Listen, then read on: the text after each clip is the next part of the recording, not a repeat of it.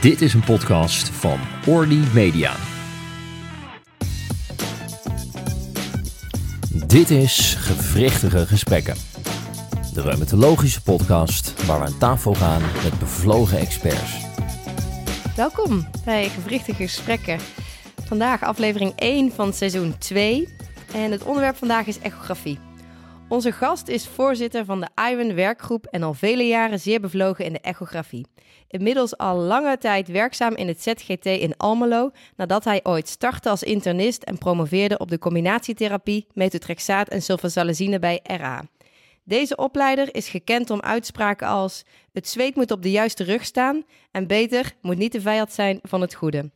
Anno 2023 denk je bij echografie in Nederland aan niemand minder dan Kees Haagsma. Welkom Kees. Dankjewel Aniek.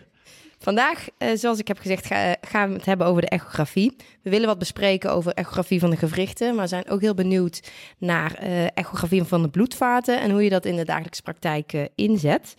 maar eerst wat meer over jou.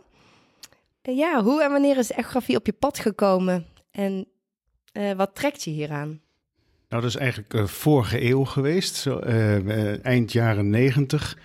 Um, toen kwam ik in aanraking, was ik in opleiding tot reumatoloog. Uh, en toen was er ook sprake van dat er echografie mogelijkheden waren.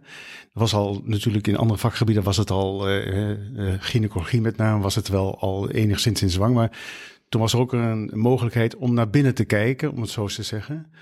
Um, en wat betreft gewricht en andere structuren van het bewegingsapparaat.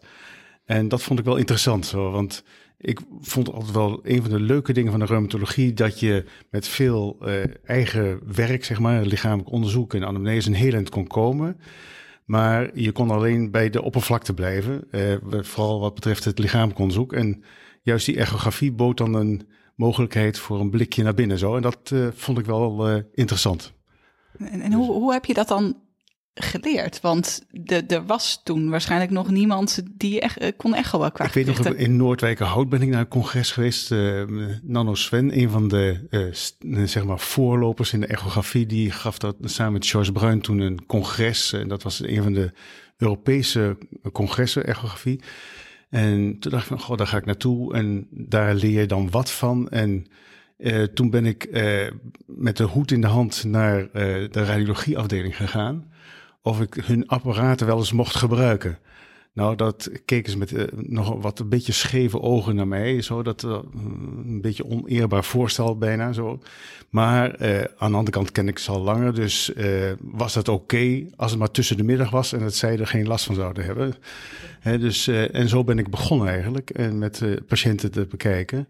Gewoon om eens, ja, god, wat, wat zie ik allemaal? En uh, kun je er wat mee? En uh, gaandeweg kan er voorzichtig wat onderzoek ook uh, en wat meer kennis over echografie bij, van het bewegingsapparaat in, in de reumatologie. Meer dan twintig jaar geleden dus. ja, ja, ja, ja, dat was ja. inderdaad voor de eeuwwisseling. Ja, ja. ja, dan is het ook heel erg veranderd waarschijnlijk in, die, in al die jaren. Ja, met uh, alleen al qua apparatuur natuurlijk. Ja, ja, zeker. Kijk, en dat, ik, dat was dus een beetje verkennend. En uh, toen ging de eeuw voorbij. En uh, begin van deze eeuw, 2005 eigenlijk, toen kregen we ons voor het eerst ons eigen apparaat. Met nogal wat overredingskracht uiteindelijk. en heb ik toch, hebben we die apparatuur gekregen bij ons op de afdeling.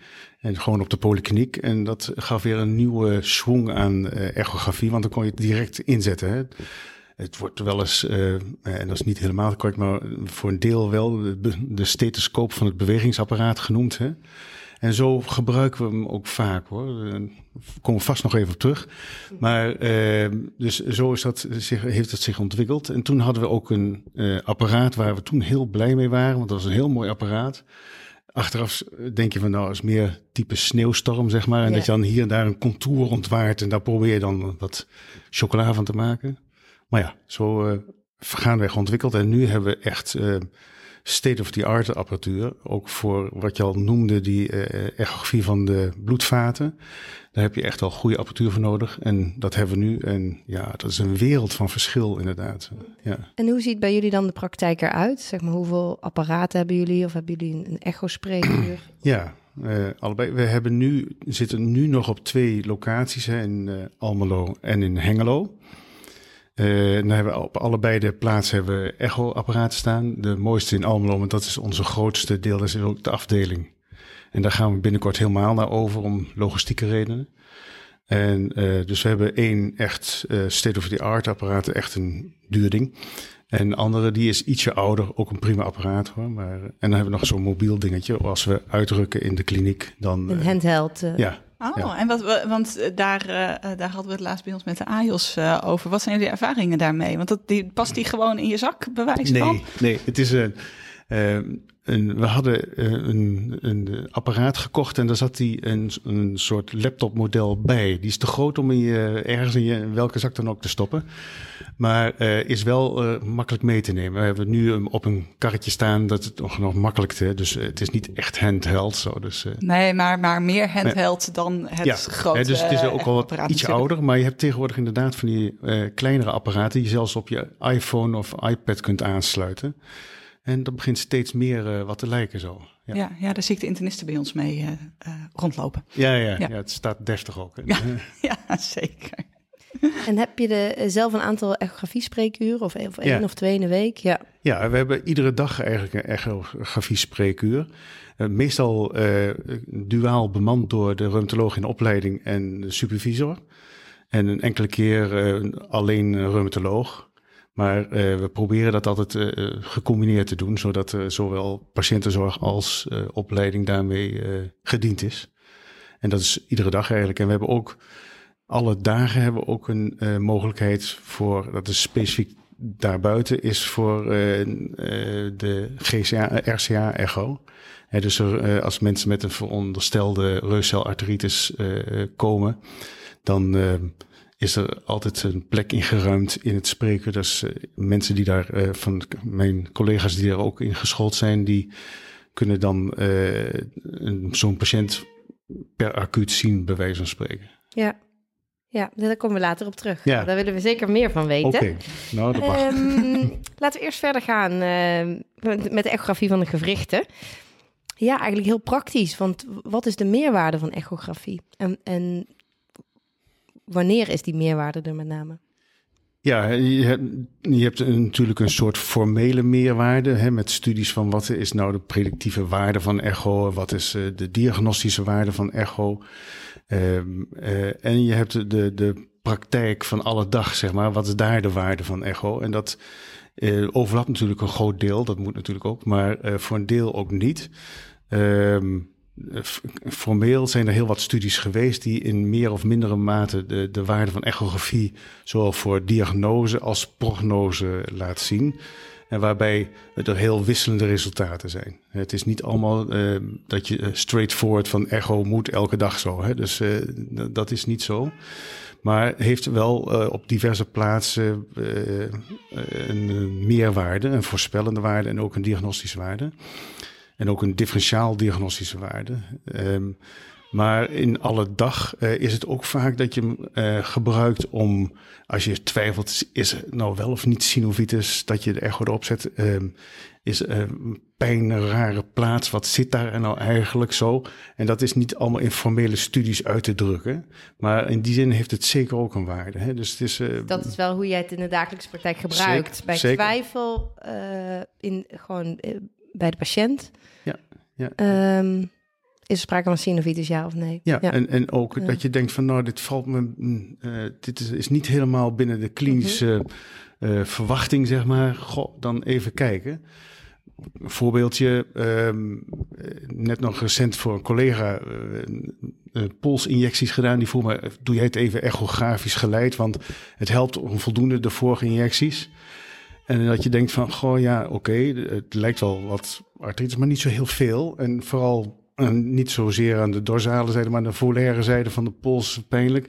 Dan zet je er echt op en dan kom je opeens een synoviale kieste mm. aan de volaire zijde. En dan, nou daar heb ik toen in geprikt. En dat moet nog blijken of dat echt goed helpt hoor. Maar, uh, maar dan een opvallende, onverwachte bevinding. Hè? En op die manier uh, gebruik je het ook zo. Dus uh, ja. Want, doe je dan nu ook misschien minder lichamelijk onderzoek? Merk je dan dat, dat je je lichamelijk onderzoek ook anders aanpakt omdat je die echo zoveel en vaak gebruikt? Mm, nou, ik gebruik toch lichamelijk onderzoek ook gewoon en veel. En uh, aanvullend die echo, een enkele keer dan ehm, weet je al een vraag van, goh, lichamelijk onderzoek gaat misschien niet zo helpen. Dat je dan de neiging hebt om dat een beetje over te slaan en dan gelijk de echo te pa pakken. Dat probeer ik te onderdrukken, die neiging. Maar, ehm, maar goed, soms is het inderdaad echografisch, dan weet je al van, god, daar kom je verder mee. Zo, hè? Dus um, als iemand uh, tintelingen heeft in de vingers en dergelijke, dan kun je wel de tinel doen, die overigens uh, overbodig is uh, volgens de, de, richtlijnen. Maar dan kun je beter gelijk een echoapparaat pakken en kijken of de, afwijkingen zijn in de kapale tunnel. Dus. ja, ja. En uh, vroeg nog wat met die, met die twijfelsynovitis, dat is ook iets wat ik herken uit de klinische praktijk. Maar dan vind ik soms die echo ook nog lastig te interpreteren, want dan heb je soms nog steeds dezelfde twijfel. Uh, dat uh, de echo ook niet Zeker. heel duidelijk is. Hoe, ja. hoe ga je daarmee om? Nou ja, dan blijf je twijfelen. ja. Nee, maar goed. Kijk, zo'n echo is ook maar een hulponderzoek. Hè? Dus die, die, heeft ook niet, zegt niet de waarheid zo. Het is, je ziet er steeds meer, steeds mooie apparaten. En eigenlijk is het dan nog, wordt de twijfel met die mooie apparaten alleen nog maar groter misschien. Want uh, waar voorheen, als je dan iets van uh, hyperemie zag, hè, een power Doppler toename, dan wist je wel, oh, dat is afwijkend en dus dat is uh, zeker synovitis. Dat waren slechte apparaten die, die uh, het signaal slecht konden oppakken. En als je het dan zag, dan was er echt wel iets afwijkend. Nu zijn die apparaten zo goed geworden dat je ook de normale flow in weefsels ziet. En uh, dan is het ook een, dan is het opeens een gradatie en niet meer on-off verschijnsel of er iets afwijkend is of niet. En dat maakt de twijfel alleen nog maar groter, Linken. Dus uh, wat dat betreft. Ja. Dus eigenlijk moeten we de apparaten niet, niet nog mooier maken, want dan gaan we nog meer ja, ach, en dat zou een droevige conclusie zijn. Want mooier is natuurlijk altijd beter. Maar nee, ik denk dat je dan uh, beter je afkappunten moet gaan bepalen. En uh, dan zul je ook ontdekken dat er geen afkappunten eigenlijk in de biologie en in de geneeskunde zijn. Maar dat het allemaal gradaties zijn, overlappen. Gausse krommes die elkaar overlappen. Zo. Dus uh, uh, niets, is, uh, de, niets is helemaal waar. En zelfs wat ik nu zeg niet. Hm. dus dat, dat is typisch iets ook voor dat soort fenomenen. Ja. En ge geef je dan ook in het verslag weer de gradatie van synoviale proliferatie en de gradatie van flow? Ja, dat is ook hoe ja, je, je probeert ja. er wel te semi-kwantificeren. Juist ook om, vanwege dat idee van dat het uh, overlap heeft met uh, normaal ook. Hè, dat je dan toch, uh, als je echt graad 3 synovitis, het grayscale of power doppler, ja, dat is afwijkend. Dat is niet bij normale. Maar graad 2 heel enkel keertje afhankelijk. Maar graad 1, dat is, heeft duidelijk een overlap. Dus in die zin is gradering is ook al goed. Ja. En dan ook om een dynamiek in het geheel in je beschrijving ook te geven. Hè? Dus als je dan later nog een keer kijkt, dan het is van graad 3 naar graad 1, dan weet je, oh, er is iets gebeurd. Ja, ja. Ja, je noemde al heel even het uh, echogeleid injecteren. Um, is dat iets wat meerdere reumatologen in de peri perifere praktijk uh, moeten kunnen? Of uh, ben jij de enige? Nee hoor, nee, nee. raad je het aan om Um, jawel, uh, ik ben zeker niet de enige. Ieder, bij ons uh, in onze vakgroep doet eigenlijk nagenoeg iedereen het wel echo-geleid ook injecteren. Want uh, iedereen die echoot, in meer of mindere mate, dus en eh, iedereen gebruikt het wel. En ehm, dat je het altijd moet gebruiken, dat denk ik niet. De meeste vaak injecties ook wel gewoon, als je ze blind prikt, dat ze dan ook een heel redelijk effect hebben. Maar uh, en ook studies laten zien van als je het formeel kijkt, wel of niet echogeleid injecteren, dat maakt altijd niet een heel groot effect uit.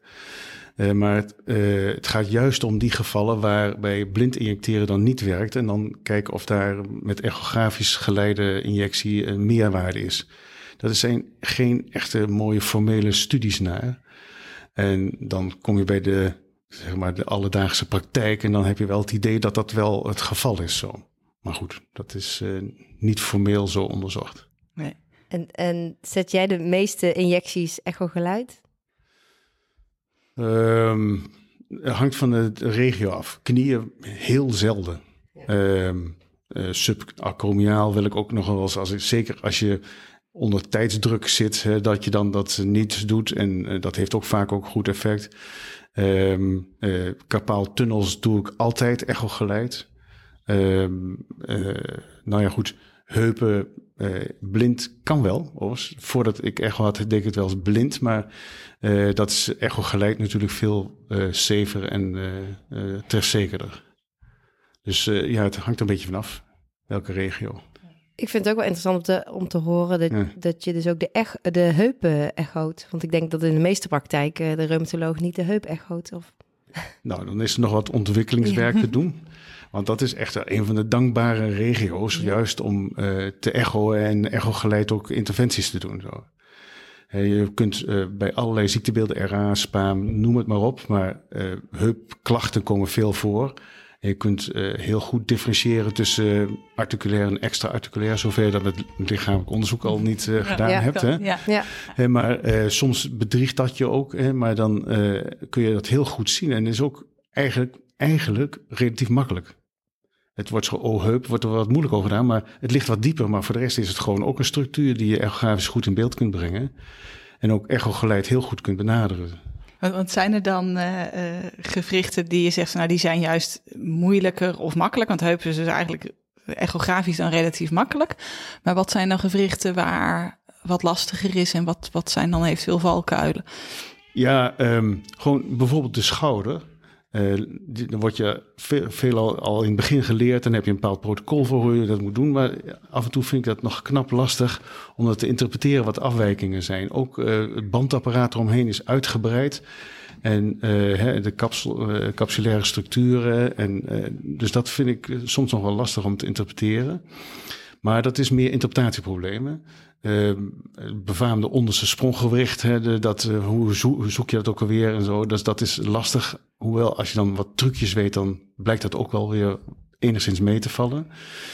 Maar dus uh, zo verschilt het per gewricht. Dus er zijn een aantal makkelijkere en moeilijkere plekken, zeg maar, om te echograferen. Ja, ja, ja. En, en wat, wat verwacht je of wat vind je eigenlijk dat de gemiddelde reumatologische praktijk Nederland zou moeten kunnen of moeten doen? Moet iedereen zoveel echo als dat er bij jullie in Almelo gebeurt? Want ik denk, denk dat er weinig ziekenhuizen zijn die dagelijks echo-spreekuren uh, hebben. Ja, nou ja, goed. Eh, eh, wij gebruiken het inderdaad een beetje als de stitskop van het bewegingsapparaat wel. dus uh, als ik denk van, hé, gatsie, wat zit er nou aan de hand? Ik ga naar de echokamer of ik ons mobiel apparaatje bij mij zelf in de spreekkamer, dan kijk ik even op die manier. En mhm. veel collega's van mij, niet iedereen, maar veel collega's die hanteren dat ook op die manier.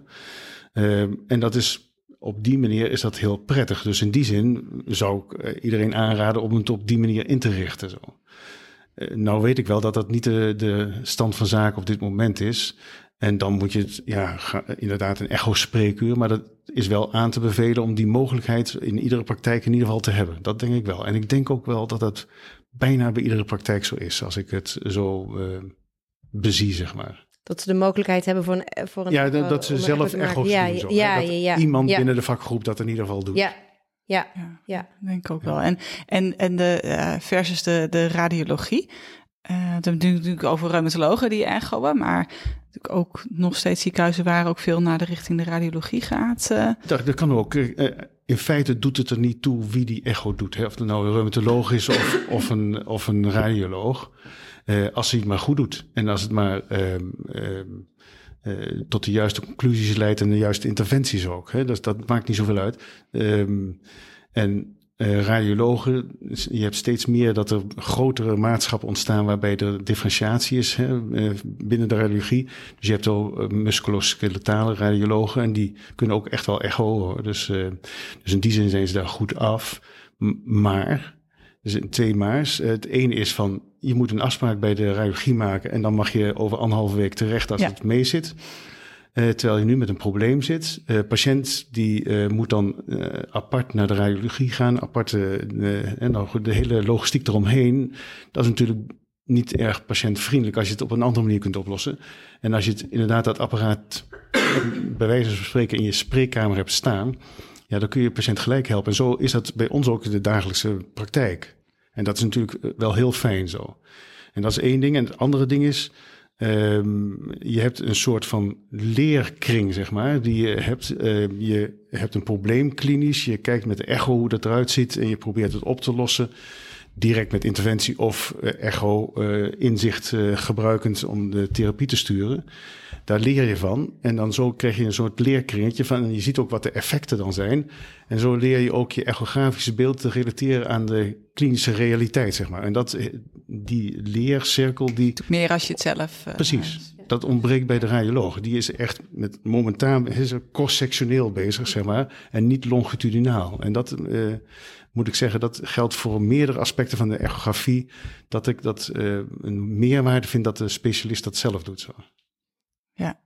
En is er dan ook een, een minimaal aantal echo's wat je denkt dat een perifere reumatoloog moet doen om, het, om de vaardigheid te behouden? Ja, en dat, ik denk wel dat je het regelmatig moet doen. Maar het hangt er ook vanaf hoe je het inzet. Hè? Als je zegt alleen maar. Ik, er zijn mensen die het alleen maar gebruiken om in te schatten hoe is de synovitis activiteit. Nou ja, als je dat uh, vaker doet en verder helemaal geen andere echo's, dan kun je daar heel goed in worden. En dan uh, ben je wat dat betreft gekwalificeerd om daarmee door te gaan.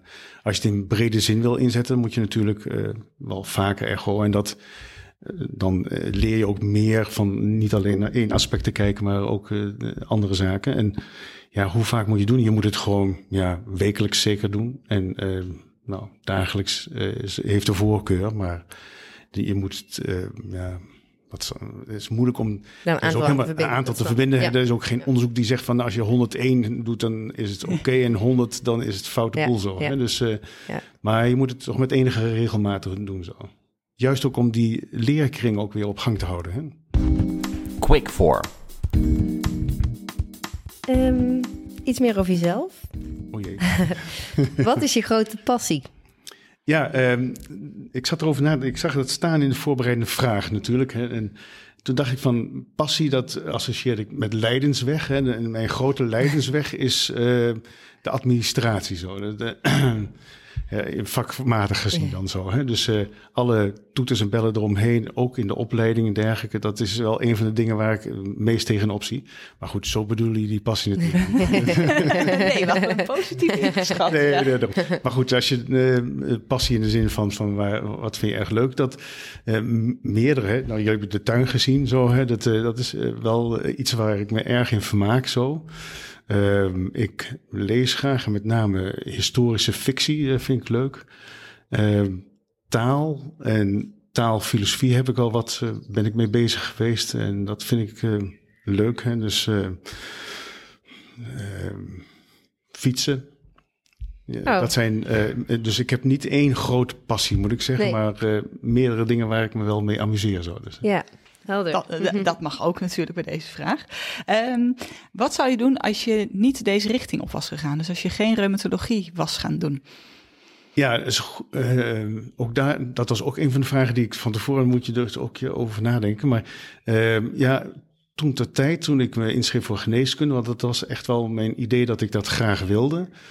Uh, had ik als tweede keuze natuurkunde. En nou, ik werd ingelood dus uh, geen natuurkunde. En dat is ergens misschien achteraf ook wel goed hoor. Het zijn wel want, twee uh, hele verschillende dingen, toch? Geneeskunde, nou, natuurkunde. Mm, jawel, zeker. Er zitten wel heel verschillende dingen. Maar er zitten ook wel uh, de puzzelaspect en, en dat soort dingen. Maar mm, ik denk dat ik niet slim genoeg ben om echt een hele goede natuurkunde te worden zo. En een ander ding was... Um, uh, rechten, maar niet uh, omdat ik mijn opa, die was ook jurist, strafpleiter. En die sprak vaak met mijn vader over allerlei ingewikkelde kazen. En dat, als klein jochie zat ik erbij en dat vond ik beren interessant. Dat leek me ook wel leuk. En dat heeft ook veel met taal te maken. Dus ik denk dat dat wel echt wel iets is wat ik ook wel graag had willen doen. Zo. Dus, uh... Genoeg andere Leuk om te dus. weten. Ja. ja. En als je jezelf op de eerste dag van de opleiding een advies kon geven, wat zou dat zijn? Ja, um, uh, mezelf een advies geven. Hè? Dus niet een ander, niet uh, als iemand anders, ja. uh, maar mezelf. Als ik stap binnen en denk van, oh god, Haarsma, dan moet je aan de bak zo. ja. uh, nou, ik, ik, denk vooral, ehm, blijf alsjeblieft je boerenverstand gebruiken zo. Dus hè, dat klinkt erg Twents misschien zo, maar eh, dat, dat, is echt een van de reddingsboeien voor een beginnende AIOS. Dat je, want kennis is dan vaak nog een beetje een probleempje. Maar boerenverstand helpt altijd zo. Dus uh, ik, ik denk dat uh, om je eerste instantie je hoofd boven water te halen, uh, houden, dat is wel, denk ik, wel belangrijk. Kan nu ook nog steeds van toepassing zijn. Ja, dat, dat blijft, dat blijft. en wat is de belangrijkste verandering binnen de reumatologie in jouw carrière tot nu toe? Ja, afgezien van de beeldvorm waar we het over gehad hebben, wat echt spectaculair veranderd is in mogelijkheden en dergelijke. Maar denk ik, de, de, de medicamenteuze mogelijkheden binnen de reumatologie, hè, allerlei uh, uh, ziektes, is wel heel spectaculair, denk ik zo. want uh, ik begon, toen was methotrexaat was toen echt, ja, 7,5 milligram begon je uh, 15 milligram stoelriemen vast, want dat was toch wel heel gevaarlijk. en uh, toen kwam uh, eind jaren 90 kwamen de anti-TNF als eerste, hè, de infliximab als eerste naar boven. En dat was wel een soort van open mond fenomeen, zeg maar, van zo, dat heeft effect. En dat is natuurlijk belangrijk gegroeid. En dat, wat ik merk is, ik zei het laatst nog tegen een patiënt van, um, goh, in de wachtkamer te even, goh, wat is het stil hier en zo. En um, ja, zei ik van, nou, probeer op tijd te werken. was toevallig een keertje niet zo heel druk. maar um, ja, en, uh, en uh, ik zie geen rolstoelen, zei die patiënt. En toen zei ik van, nee, dat klopt ook, want die zien we heel weinig meer. Waar we vroeger alles heel goed rolstoel toegankelijk moesten hebben voor uh, reuma-patiënten, is dat fenomeen grotendeels verdwenen. Dus ook dat is heel moeilijk formeel te bestuderen, maar het is wel een hele observatie. Iedereen deelt die observatie van dat dat uh, heel erg veranderd is. En dus ten gunste voor de patiënt. Ja, ja dus dat is denk ik wel grotendeels op konto van die medicatie te schrijven. Geen methotrexaat 7,5 milligram, dat kan ik me als uh, jonge reumatoloog ook niet meer voorschrijven. Nee, dat, dat is nu uh, categorie homeopathie. ja, ja, precies dat, ja. Ja, en dan gaan we weer, uh, weer terug naar de, de echo en de beeldvorming. En dan uh, wilden we het graag hebben over de GCA, want dat is volgens mij ook een van jouw uh, grote liefdes ondertussen ja. zo ongeveer geworden. Ja. Um, maar dan eerst maar even een beetje bij het begin te beginnen. Hoe werkt het, behalve dat je met de echo naar die bloedvaten kijkt? Maar waar kijk je naar, waar let je op, welke vaten? Nou, je begint natuurlijk met anamnese lichaam. Komt, Uiteraard, je, ja. Je bent er nog even vooraf, hè. maar... Um, uh, maar waar je begint met echo, dan is de vraagstelling: is er sprake van reuscelarteritis, hè, al dan niet uh, cranieel of uh, grote vaten? Um, ja, je legt de patiënt goed neer en je gaat dan met een goede echoproop, hè, dus daar heb je wel een goede apparatuur voor nodig. kijk je eerst, je kunt beginnen met de, craniële vaten, dan kijk je eh, of er een, eh, zoek je die uh, arteria temporalis op en dan uh, kijk je of er wandverdikking is. Uh, en je eerst screent ga je langs zo'n vat heen. Hè, dus je oriënteert jezelf eerst. Hè, je zet die echoproop en je vindt het vat. Je kijkt eventjes hoe dat eruit ziet. Ehm, ook met de power of de collar doppler aan. En dan kun je zo'n vat eventjes langs gaan. Kijk je bij de splitsing, frontale tak, parietale tak. En dan oriënteer een beetje van, zijn de afwijkingen? En dan teruggaand of heengaand, afhankelijk van wat je zelf je manier van werken is. Kijk je dan in detail waar je denkt van, hé, hey, daar was iets afwijkend. Zo, en dan kijk je en dan kun je dat ook formeel gaan meten. Dat is steeds meer omdat je zulke goede apparatuur hebt, dat je nu die vaatwand echt heel goed in beeld kunt krijgen. Kun je ook echt de intima media dikte meten, maar dan ga je dat meten. En dan heb je ook steeds minder eigenlijk die collardoppelen nodig. Uh, waar eerder, dat, dat kennen jullie waarschijnlijk wel, dat halo-sign. Ja, want dat, dat is mijn eigen associatie met ja. uh, en dat echo van uh, temporaalvaten. Ja, precies. En dat is dan heel erg gerelateerd aan het gebruik van color ook. Hè? Dat je zo'n vat in dwarsdoorsneden ziet. En dan zie je daar het kleurtje van de, het lumen. En dan de, omheen die zwarte rand als een halo, donkere halo. En dat is dan het halo-sign. Um, nu is het vaak dat je die kleur niet meer nodig hebt uh, en dat je zo dwars als longitudinaal kun je die vaatwand in beeld brengen en kun je ook die dikte echt gaan meten. Dus dat is steeds, dat zal steeds meer zijn dat je dat gebruikt ook en ook uh, uh, om dat het veel minder afhankelijk is van instellingen. Zo'n color flow die kun je aan de knoppen draaien, zodat dan kun je altijd een halo sign produceren of wegpoetsen. Dat is niet ingewikkeld dus dat hangt dan heel erg van die instelling af. Dus dat kan een instinker zijn. Dat heb je veel minder in zwart-wit, zeg maar. En dat, als ik denk aan die wanddikte, dan is dat dan ook veel beter, uh, ja, maar zeggen, representatief met als je een biopt zou nemen? Er zijn wel studies gedaan van helpt de echo bij uh, de, de, accuratesse van een uh, arteria temporalis biopsie. Dat lijkt wat tegen te vallen, zo je wil. Heel veel meerwaarde werd er niet gevonden. Maar uh, dat was ook ten tijde van minder goede echo-apparatuur. En, uh, en uh, nu tegenwoordig is het nog wel eens dat je, uh, daar hebben we diverse casus van, dat je ziet van god, er is weinig afwijking in arteria temporalis, alleen wat verderop zie je een afwijkend stukje. En als je dat dan laat biopteren, we hebben dat vaker bij de hand gehad, dan zie je juist wel dat je dan dat stukje wel positief ziet. En dat maakt ook dat uh, de arteria temporalis biopsie denk ik toch wel op die manier wat gerichter uh, gedaan kan worden. Want een van de problemen bij een uh, arteria temporalis biopsie is de matige sensitiviteit. Hè? Dan zeggen ze skip lesions, dat klopt ook wel. Echt graag zie je dat ook wel eens. Hè? Maar ook gedeeltes hè, dat, waar de chirurg bij voorkeur een biop neemt, omdat hij er goed bij kan. Echt niet altijd het uh, deel is wat afwijkend is. Dus in die zin zal er wel enige uh, meerwaarde zijn van de echografie daarin. Wat zijn er dan chirurgen in de praktijk die echo gebruiken om het biopt uh, nee. al te sturen? Nee, nee. Maar dat doen wij. Wij hebben. Ja, jullie doen uh, dat zelf. Watervaste stiften helpen heel erg. Dus dan zet je een stipje op het plekje waar je denkt van dat is gunstig om te biopteren. En dan kan de chirurg binnen het stipje proberen daar de arteria temporalis te vangen. Zo. Dus, dus de positief voorspellende waarde of de negatief voorspellende waarde is eigenlijk te slecht om het van de biopt af te zien. Maar je zegt de echografie gebruiken wij met name om de juiste plek voor het biopt te vast te stellen. Uh, nee, eigenlijk niet. Oh. nee, wij gebruiken heel weinig nog meer de arteria temporalis biopsie. Ja, dus um, het heeft wel een duidelijk grotere ja, ja, ja, rol dan, ja, ja. dan... Ja, maar het is omdat je specifiek vroeg waar kan het behulpzaam zijn. Ja. Maar nee, uh, wij gebruiken uh, eigenlijk als eerste onderzoek. Hè, dus, en als dat duidelijk afwijkend is, dan klaar. Hè, als er een, een anamnese is die met e een lichamelijk onderzoek met enige waarschijnlijkheid uh, Grote a priori kans. Ja, hè, en... dat je de, de 50-50 kans, hè, dat is al uh, methodologisch het beste punt, zeg maar. Dat je de meeste meerwaarde van aanvullend onderzoek hebt.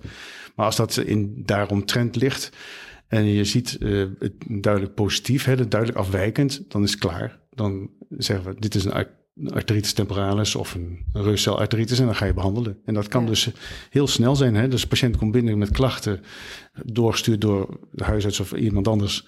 Uh, je doet de echo en uh, een uh, uurtje later staat de patiënt met alles erop en eraan met het recept van de prednison in de hand en naar de apotheek of opname als er dreigende lesies zijn, zeg maar. En dat is jullie fast track, denk ik. Als ja, ik dit dat is ook de hoor. fast track. Ja. Hè? Dus, en, uh, dus in die zin, als je kijkt van hoe gebruik je het echo, dus ook als je gaat beginnen. In het begin heb je, ben je minder zeker van je echografische bevindingen. Dus dan gebruik je hulponderzoeken zoals een biopsie. Maar, en dan, maar naarmate je vordert, is dat gebied wat je zeker bent, wordt groter. Dus als je een grotere waarschijn, vooraf waarschijnlijkheid hebt en je vindt een positieve echo, nou, dan kun je al snel eigenlijk al besluiten dat is genoeg. Even zozeer als er een uh, geringe kans is en dat is een negatieve echo, dan kun je ook zeggen, dan hoeft er verder geen onderzoek ja, te gebeuren. Dat, dat, dat, dat is een gebied. Benieuwd naar. En dat, ja. in het begin, als je weinig ervaring hebt met de echografie, dan zijn dat twee randgebieden. En hoe meer ervaring je met echo hebt, hoe uh, kleiner, groter die randgebieden worden. En dan wordt dat gebiedje waar je wel uh, met name arteria temporalis biopsie nodig hebt, steeds kleiner. Want, want hoe, hoe doen jullie dat dan inderdaad als de echo negatief is? Is het dan ook klaar? Of zijn dat de mensen waar je dan alsnog wel voor een biop bijvoorbeeld gaat? Nou, we proberen echt dat wel in dat model van uh, Bayesiaanse model te denken. Hè, met voorafkansen en achterafkansen. Als de voorafkans uh, heel klein is en echo is negatief, wat ik al zei, dan ben je klaar. Ben je ook klaar. Maar ja. als je twijfelt, als de voorafkans toch een redelijk groot is en echo is negatief, ja, dan moet je toch oppassen dat je niet uh, al te stoer bent en zegt van nou, het zal niet zo, want dat kan vervelende consequenties hebben. Dan, heb je een, dan doe je een tweede onderzoek. En dat kan een biopsie zijn, afhankelijk van wat er in je eigen ziekenhuis voorhanden is. Maar we hebben ook de MRI tot onze beschikking. Dus dat uh, MRI met een speciaal protocol van de arteriële vaten van het hoofd, uh, ook de temporaalvaten, dat kunnen we doen. En dat is dan, kan dan een bevestiging of een, als dat ook negatief is, dan wordt de kans nog weer kleiner. Post-hoc kans wordt nog weer veel kleiner. En dan kun je zeggen van nou, die is klein genoeg, nou hou ik op. En die is dus- ook op korte termijn beschikbaar, die MRI? ja, zei hij wat twijfelachtig. Maar dat wisselt. Okay. dat, eh, want die MRI is een heel gewild apparaat natuurlijk. En die is dan bezet. En we proberen hem dan tussendoor te prutsen en zo. Maar we hebben wel afspraken dat het in principe binnen drie dagen zou kunnen zijn. Maar de praktijk leert dat dat niet altijd mogelijk is. Zo. Dat is dus dat is jammer. Maar nou goed, en dan heb je ook nog de PET-scan. Dus die, daar, ook daar hebben we afspraken gemaakt in het kader van die fast track uh, clinic. Uh, maar, uh, dus daar kunnen we ook relatief snel terecht. Met enige mits soms. Maar uh, op die manier, dus je denkschema is voor uh, lichamelijk onderzoek en anamnese, dan eerst echografie. Geeft dat een onvoldoende zekerheid, dan ga je naar een tweede onderzoek. En dan probeer je alsnog die zekerheid te krijgen. En wat maakt dan de keuze voor die MRI of de PET? Um, als het uh, dominant craniële verschijnselen zijn, nu nog is de PET daar minder sensitief in. Zo, hè? Dus, want uh, je, he, misschien dat je die plaatjes een beetje voor ogen hebt, maar dat brein dat geeft enorm veel mm -hmm, stapelen ja, van FTG. Ja. Dus dat uh, drukt alle signaal van zo'n arteria temporalis een beetje weg, maar dat ook is aan het verbeteren. Hoor. Maar ja, dus dan doe je het liever een MRI. En als het grote vaten, vasculitis, arteritis de vraagstelling is, dan is PET een heel prima onderzoek. Zo. Ja. En zijn er nog meer bloedvaten die jullie echoen? In deze Behalve de temporaalvaten? Ja. Ja, heel... Nee. uh, jawel hoor. Uh, standaard is temporaalvaat, hè, dus uh, de communes en de parietale en de frontale tak. En daarbij de echo van de oxels, de arteria axillaris dat is het standaardprogramma. Dat is het minimumprogramma wat je wel moet doen, want dat blijkt ook een duidelijke meerwaarde, een diagnostische meerwaarde hebben als je die uh, arteria axillaris er ook bij doet. En sterker nog, voor beginners zou ik uh, adviseren om daarmee te beginnen, want zo'n groot vat, die zie je, kun je nog wel eens vinden zo. Dus, uh, en dat is ook wat makkelijker dan te interpreteren en te meten. Want, want je kijkt dan naar dezelfde dingen als dat je bij de craniële vaten kijkt. Ook die wanddikte. Je hebt een bloedvat en die heeft een wand en daar kijk je naar hoe dik, dik die is. Dan moet je het wel natuurlijk, eh, de afkakwaardes bij een arteria axillaris zijn anders dan van de temporaalvaten, want dat zijn echt kleine dingetjes. maar eh, de, de, in essentie is de, de, de, de techniek hetzelfde. Ja. dus, en, maar daarnaast kijken we naar arteria facialis, ook heel makkelijk doen eigenlijk, ook met lichamelijk onderzoek overigens. Um, arteria occipitalis uh, kun je kijken. Uh, we kijken naar de arteria carotis, wat moeilijker in verband met ook aan, veel atherosclerose, dus de interpretatie daarvan is wat moeilijker. Maar ook de arteria vertebralis, dat is technisch wat lastiger, maar zo kijk je nog wel eens naar wat bloedvaten. En naarmate je er meer ervaring in hebt en lol in hebt, breid je dat, die regio's uit. De benen over het algemeen, omdat er ook veel atherosclerose is, wat minder. En, en, gebruik je dat dan ook allemaal, uh, bijvoorbeeld die arteria facialis, in je nou ja, beslissing, kan dit wel of niet een GCA zijn? Of kijk je daarvoor met name toch naar die temporalia en die axillaris? Uh, ja, um, in principe wel, hè, want dat is het meest gevalideerde. Hè, dat is echt wel uitgebreid. Er is heel veel onderzoek naar gedaan en dat is uit het daarna gevalideerd, ook met voorspellende waarden en met uh, sensitiviteit, specificiteit. Maar uh, om maar een casus recent te noemen, dat was een, een dame die dan uh, alleen afwijking had van één arteria facialis, maar wel heel erg kenmerkend. De rest was allemaal normaal ergografisch. Uh, toen gedubieerd van nou, het zal niet en zo. De CRP16 uh, had wel wat hoofdpijn, maar uh, voor de rest niet. En toen is ze later met een soort CVA-achtige beeld, kort daarna, enkele dagen daarna, want toen hadden we een tweede onderzoek aangevraagd, MRI. Kort daarna bij de neurologie en had ze in de kleine hersenen wat invaseringen, maar klein gelukkig. Maar en toen vertebrale opnames CTA gemaakt, er was ook afwijkingen. dat bewijst het ook niet allemaal, maar met elkaar was het voldoende om te zeggen van goh, echt typische afwijking één arteria facialis en dan die angio van de vertebralis. Ja, dat moet toch wel en er was geen uh, uh, belangrijke atherosclerose in. Dat moet haast wel uh, een arteritis temporalis of een reuscelartritis zijn. En ook als zodanig behandeld. Dus dan ga je eigenlijk op grond van één echografisch afwijkend vaatje al toch conclusies trekken. het is een, dat daarin onderscheidt zich ook weer klassificatie en diagnose. Hè? Dus in dit geval diagnose toch waarschijnlijk een reuscelartritis. Ondanks dat het niet voldeed aan de klassificatiecriteria. Omdat je ook geen alternatieve verklaring goed had zo. Dus ja, ja. Lang verhaal om uh, ja. korte vraag te beantwoorden. en, en, en hoe ziet nou die, die track over? Want we hebben het nou een aantal keer genoemd. En volgens mij weten we al dat het dagelijks een plek is. En dat je dus echo, MRI, uh, PET als soort van opstap hebt. En dan heel misschien een keer een biopt. Ja. Uh, maar zien jullie dus dagelijks mensen met een verdenking? op een GCA? Ja, ongeveer wel zo. Dit is een, minstens een paar keer per week, zeg maar. En uh, ja, dat we, we vangen er ongeveer één uh, uh, patiënt met een uh, bewezen of een aannemelijk gemaakte RCA per week, twee weken. en ja, dus de fast track ziet er zo uit. huisarts of andere specialist die stuurt een patiënt door met een verdenking op een artritis temporalis. En ehm, dan is het eigenlijk zelfs in het weekend zo uh, dat we dan uh, naar het ziekenhuis gaan uh, of door de week gewoon dat we dan op die speciale plekjes dan zo'n patiënt zien en gelijk zo'n echo maken en dan kijken is dat een, inderdaad eentje of niet. Dus, en dat heeft ook wel belangrijke voordelen. Hè. Dat is, er zijn wel onderzoeken geweest die aannemelijk maken dat het bijvoorbeeld blindheid ten gevolge van uh, dat dat uh, belangrijk vermindert door inzet van snel onderzoek, zo'n fast track. Dat kan echt een flinke uh, de reductie geven van blindheid. Ja, want volgens mij, we, we, zaten van tevoren in de richtlijn van de NIV, dacht ik te, uh, te kijken waar dat ook in benoemd wordt, dat, ja, dat je in elk ziekenhuis eigenlijk zo'n snelle diagnostiek pad zou moeten hebben. Maar ja dit, um, ja, zo'n fast track zijn jullie volgens mij wel redelijk uniek mee toch in Nederland binnen de reumatologie? Um, nou, de, uh, in Groningen bijvoorbeeld hebben ze ook, hè, en, en ook op, het begint te komen zo, hè, dat er meerdere uh, klinieken zijn waar ze dat wel nastreven. Ik heb niet precies een overzicht van waar allemaal niet, uh, maar van Groningen weet ik het zeker. Maar uh, ook elders is men daar druk mee bezig. En dan voor een deel gaat het ook niet zozeer dat de eh, specialist, de reumatoloog het zelf doet, maar ook via vaatlaboratoria. Dat is een andere constructie. Kan ook goed hoor. Uh, maar, uh, Die ervaring heb ik meer. Daar is altijd uh, binnen twee uur plek.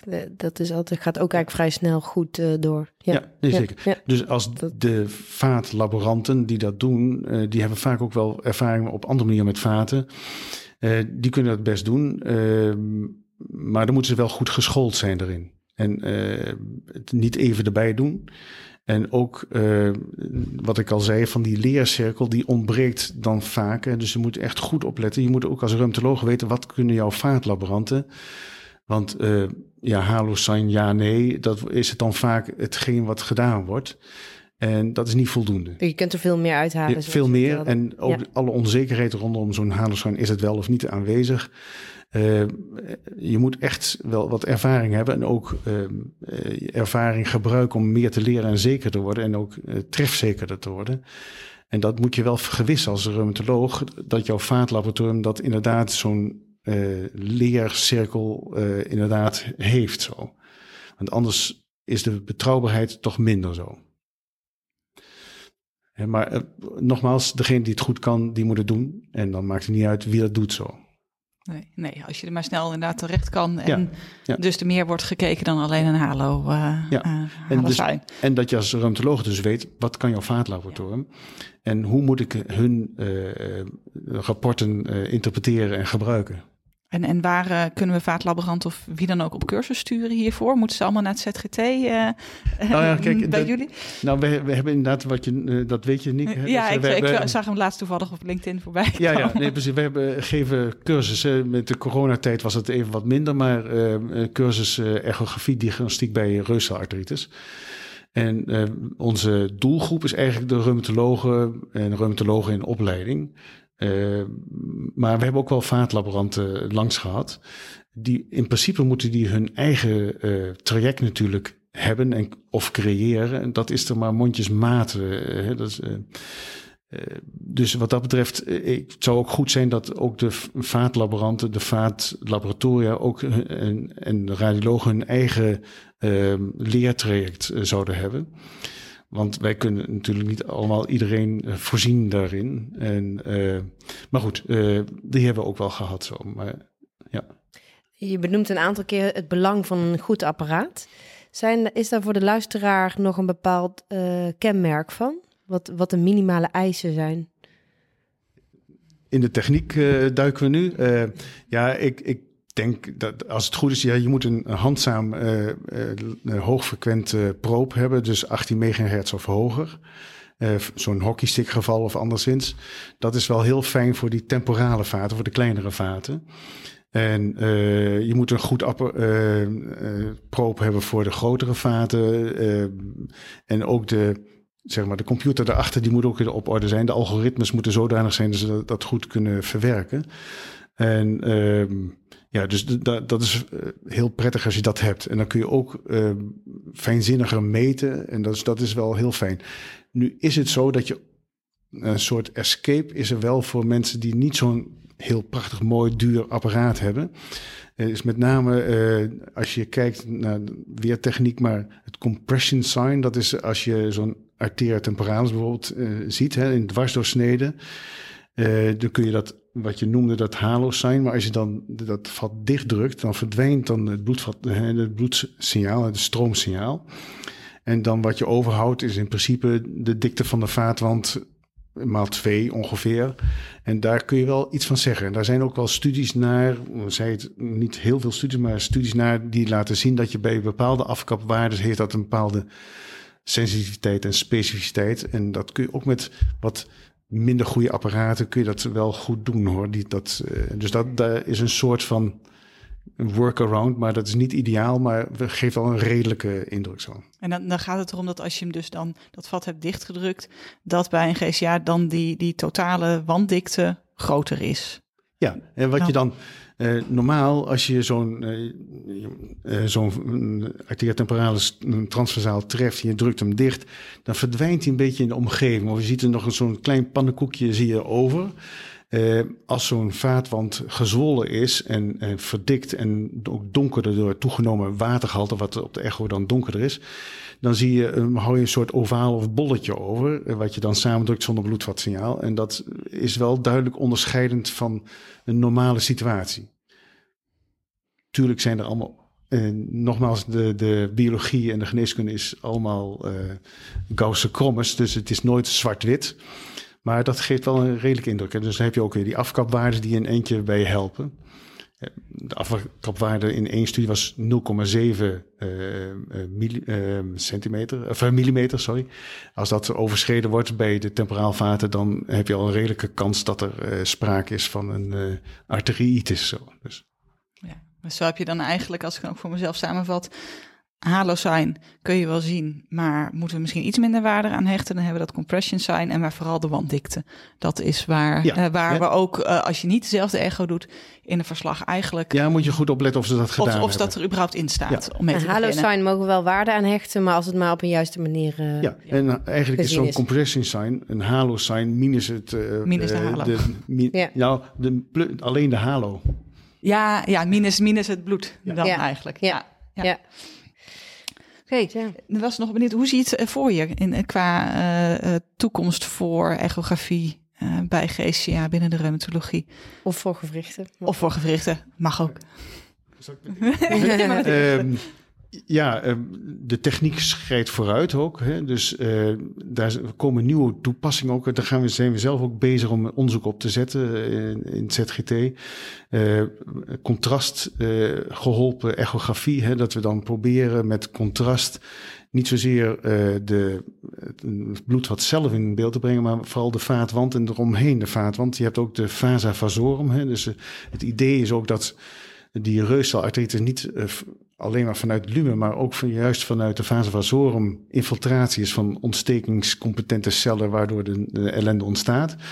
En dat je die uh, kleinere bloedvaatjes rondom zo'n groot bloedvat in beeld gaat brengen. En dat uh, proberen we middels contrastechografie. Dat begint nu te komen. En er zijn ook al wat voorzichtig wat studies bij arteria carotis waar dat al uh, in beeld is gebracht. En we hebben ook nu een gadget op ons apparaat. Dat heet dan SMI, Superb Microvascular Imaging dat is natuurlijk een reclamepraatje van de fabrikant, maar het is wel zo'n, dat, dat brengt nog uh, nauwkeuriger, trage flow in beeld. Wat je overigens ook bij andere eh, toepassingen kunt gebruiken. En op, die manier eh, is onze hypothese dat we dan ook die rondom die vaatwand de ontsteking beter in beeld kunnen brengen. En op die manier ook activiteit van zo'n uh, beter kunnen monitoren in de toekomst. Dus dat is om maar eens iets te noemen. En daarbij, de echokops worden steeds hoogfrequenter. Dus de details die je, waarmee je kunt zien ook steeds meer. Nadeel is wel dat je daar niet heel diep mee kunt komen. Maar dat is ook wel zo'n ontwikkeling binnen echografie dan zo. En dan gaan we dan steeds minder biopten doen? Ik denk uiteindelijk wel. Ik denk uiteindelijk, en dan nog één factor erbij, maar daar zijn we over aan het denken, maar nog niet concrete dingen, dat je de, uh, de jongens van de UT gebruikt, van de Universiteit Twente, met AI, om die beelden te analyseren en op die manier uh, nog meer informatie eruit te halen. En dat, dat minder uit... subjectief te maken. En ja. ja. ja. En op die manier dan uh, uiteindelijk nog scherper uh, uh, normaal en abnormaal kunt onderscheiden. En op die manier nog meer een biopsie overbodig maakt. Zo. En dat tot droefenis van enkele die ergens logisch georiënteerd zijn. maar, en het is ook wel lastig, want de, de chirurg krijgt ook minder ervaring ermee. Hè? Je ja. merkt ook dat ze. Dat, soms is het best lastig, maar dus dat wordt minder. Maar uiteindelijk kan ik me, als ik in de toekomst kijk, wel voorstellen dat het zonder biopt en dergelijke af kan.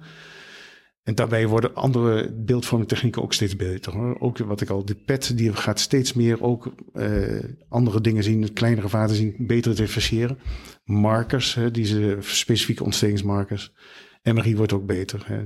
De 100.000 Tesla machines en dergelijke. Dus uh, dat zal ook een verandering brengen. Ja. En de en de gewrichten. En de gewrichten. Ja, um, um, ook daar zie ik daar wel dat je echografie, je kunt het beter, we kunnen door onderzoek beter de plaatsbepaling van echo, hè, van in voorspellende waarden hè, bij ongedifferentieerde artritis of gewrichtspijnen met alleen een ruimefactor. Uh, voorspelling naar de toekomst toe, dat zal beter kunnen, naarmate je ook meer uh, kunt zien in zo'n gewricht. Uh, dat dat een enorme vlucht zal nemen, dat weet ik niet hoor. Dat, uh, ik denk dat uh, wat dat betreft te, te, te ehm, weinig voorspellende waarde zal hebben om daar een enorme revolutie in te creëren. Zo. Dus de revolutie zit dan misschien toch meer bij de GCA. Als voor jou zo. daar, daar, zie ik het meer, maar dat is misschien ook omdat ik me daar erg mee bezig hou, dat ik dat beter weet. Zo, hè, dat zou ook best kunnen hoor. Dus ja. Duivelse dilemma's. Ja, dan hebben we voor de afrondende fase nog een aantal duivelse dilemma's waar we jou vragen te kiezen. Een lig- of wielrenfiets? Uh, lichtfiets. Kun je dan nog toelichten? dat is geloof ik een van je hobby's. Ja, ja ik nu niet meer. Maar uh, uh, ik heb ja, lange lichtfietsen, divers, een paar versleten. Uh, en dat uh, heel prettig, omdat je, nou ja, goed, het is, uh, je ligt lekker. Nou, je moet wel zelf trappen overigens hoor, maar en het is een prettige manier om je voor te bewegen. En ehm, ja, wielrenfiets, dat vond ik een wat ongemakkelijker houding. En, maar uiteindelijk heb ik mijn lichtfietsen wel weg moeten doen vanwege een wat cervicale problemen, zeg maar. Ja. Maar dus lichtfiets. Okay. Duidelijk antwoord.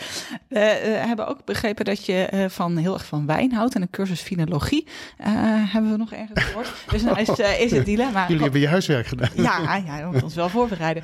Um, rode of witte wijn? Um, ro rood in principe, ja. Is dat voldoende antwoord? Ja, ja dat is voldoende oh, antwoord. Okay. Ja, je bent wel duidelijk. Oh, dan ben ik gecategoriseerd. Duidelijk in je, in je dilemma's. Als je zou moeten kiezen, echo voor het gewricht of voor de bloedvaten?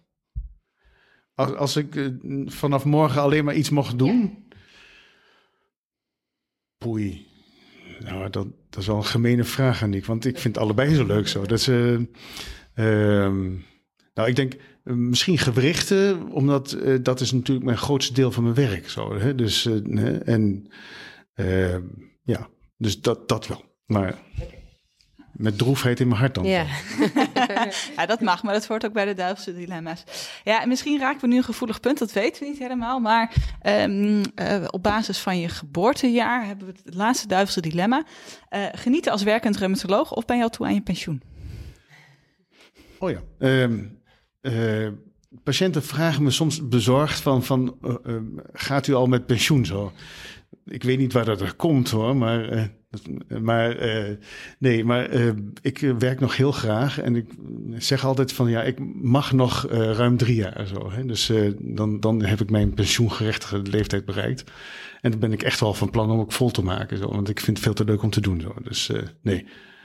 nee. Dus in die zin, nu als mijn kleinkind in september komt, dan moet ik weer misschien weer Misschien moeten we deze, deze vraag volgend jaar nog een keer stellen. Ja, we zitten wel in de, in de... Eigenlijk zijn we toe in de afronding van deze aflevering. Zijn er misschien nog een paar woorden die je wil richten tot de luisteraar? Wat moeten we meenemen op het gebied van de echografie? Nou ja, uh, begin er eens aan en ontdekt hoe leuk het is en zo. Het is het... het uh, van de echografie, het is naast... Uh, het geeft een soort ambachtelijk genoegen zo dus je, eh, je kunt er ehm, zelf dingen mee doen. En we zijn, doen ook graag als rheumatologen dingen zelf. Nou, dat zelf doen, dat kun je ook heel goed met echografie en dat is hartstikke leuk. Ik denk dat dat het laatste in ieder geval wel duidelijk is geworden. Want je eh, bent, zoals we wisten, heel enthousiast over de echografie. Dan zijn we daarmee aan het einde gekomen van uh, deze eerste aflevering van seizoen 2. Dankjewel, Kees. Dankjewel aan de luisteraar en tot de volgende keer. Bedankt voor het luisteren naar gewrichtige gesprekken. Graag tot een volgende aflevering. Dit is een podcast van Orly Media.